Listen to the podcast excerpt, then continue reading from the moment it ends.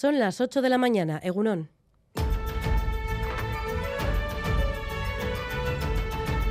Crónica de Euskadi con Irache Martínez. Seguimos pendientes de la desaparición de dos montañeros vascos en la Patagonia, Iker Bilbao y Amaya Aguirre. Este jueves fueron sorprendidos por una avalancha cuando descendían el pico Fitzroy entre Argentina y Chile. Un tercer montañero que iba con ellos y que sobrevivió a la luz fue quien dio la voz de alarma. Por el momento no se ha enviado ningún equipo de rescate a la zona debido a las malas condiciones meteorológicas y se espera que pueda reanudarse en las próximas horas o quizá días. La alcaldesa de Durango, localidad natal de Iker Bilbao, mandaba un mensaje de apoyo a la familia. Ima Garrastachu. Quiero mandar un mensaje de, de, ayuda, de fraternidad a la familia, a los amigos, a, a, sus padres, a su padre, a su madre como alcaldesa y como madre, pues toda, todo el apoyo.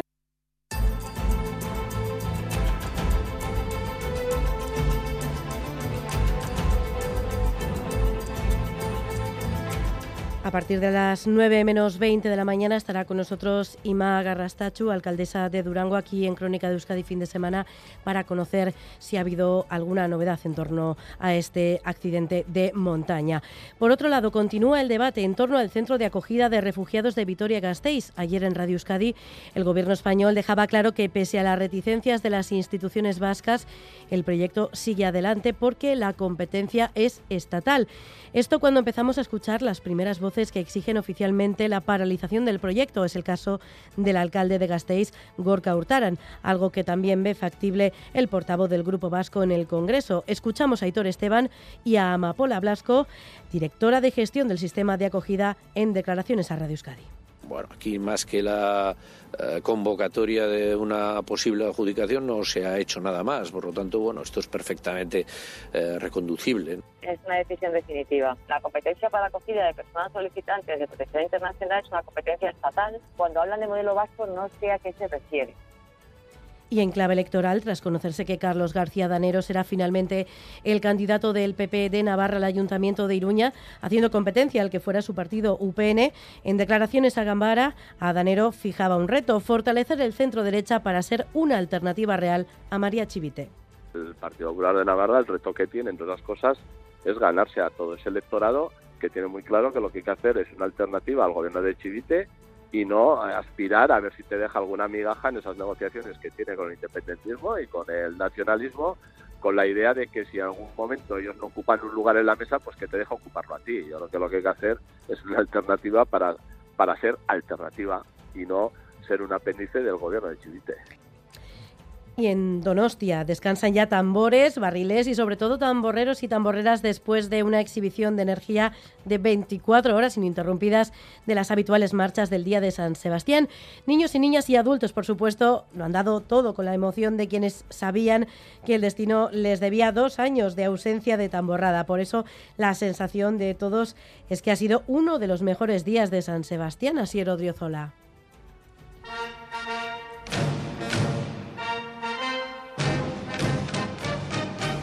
Se notaba en las calles de Donostia, en las caras de ellos y ellas, incluso en el modo de golpear el tambor. Tras dos años de abstinencia, había ganas. La verdad es que había muchas ganas después de tanto tiempo sin tamborra y bueno, pues todo, ha sido genial. El tiempo, las ganas, la energía y eso se nota mucho.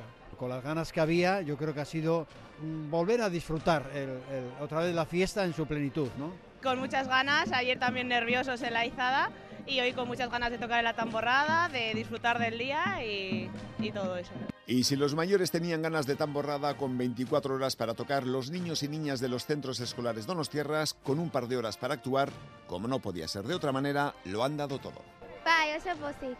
E, gainera ez du euria egiten, así que ondo. Urduria berrazten zaite, baina bazparekarri papera. E, ni buruz ikasten unta gero, nira mar izaten nion eta berri izan zen iguala. En el plano institucional, Javier García Cogorro, CEO de Viralgen, empresa dedicada a técnicas de terapia génica con sede en Donostia, recibía muy emocionado el galardón. Es un enorme privilegio para mí recibir este honor.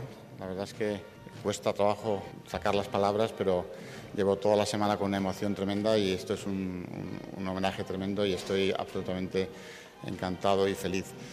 Apagados ya los sonidos de tambores y barriles, Donostia descansa, como suele decirse, esperando a la próxima edición.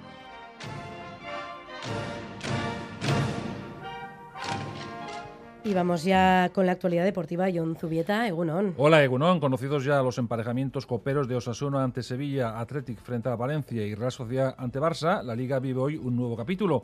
El equipo de Imanol Alguacil se mide a las dos al Rayo Vallecano con la pretensión de incluso llegar a los 38 puntos del Real Madrid.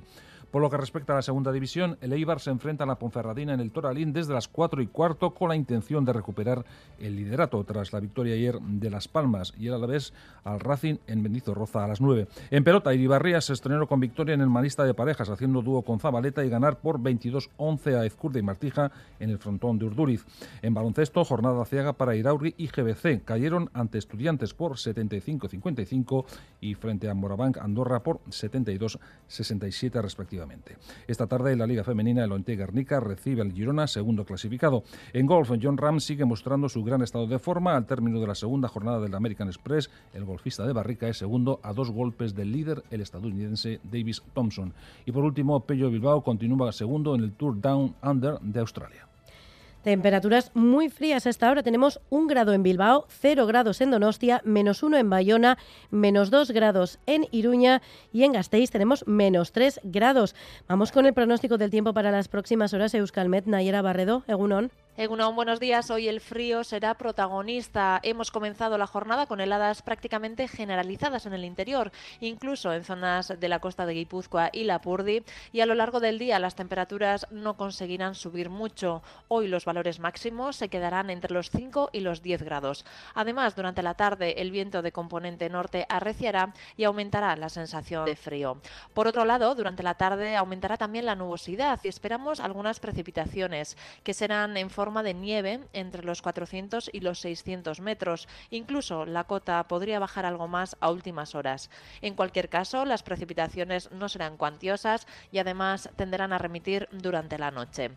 Por lo tanto, hoy será una jornada plenamente invernal con mucho frío y por la tarde también veremos algunos copos en zonas del interior. En carreteras, precaución a esta hora en la AP8 a la altura de Deva, sentido Bilbao, por la colisión entre un camión y un turismo que obstaculizan un carril. En el control técnico, Joseba Urruela, Jesús Malo y Asier Aparicio. Son las 8 y casi 8 minutos de la mañana. Seguimos. Crónica de Euskadi con Irache Martínez.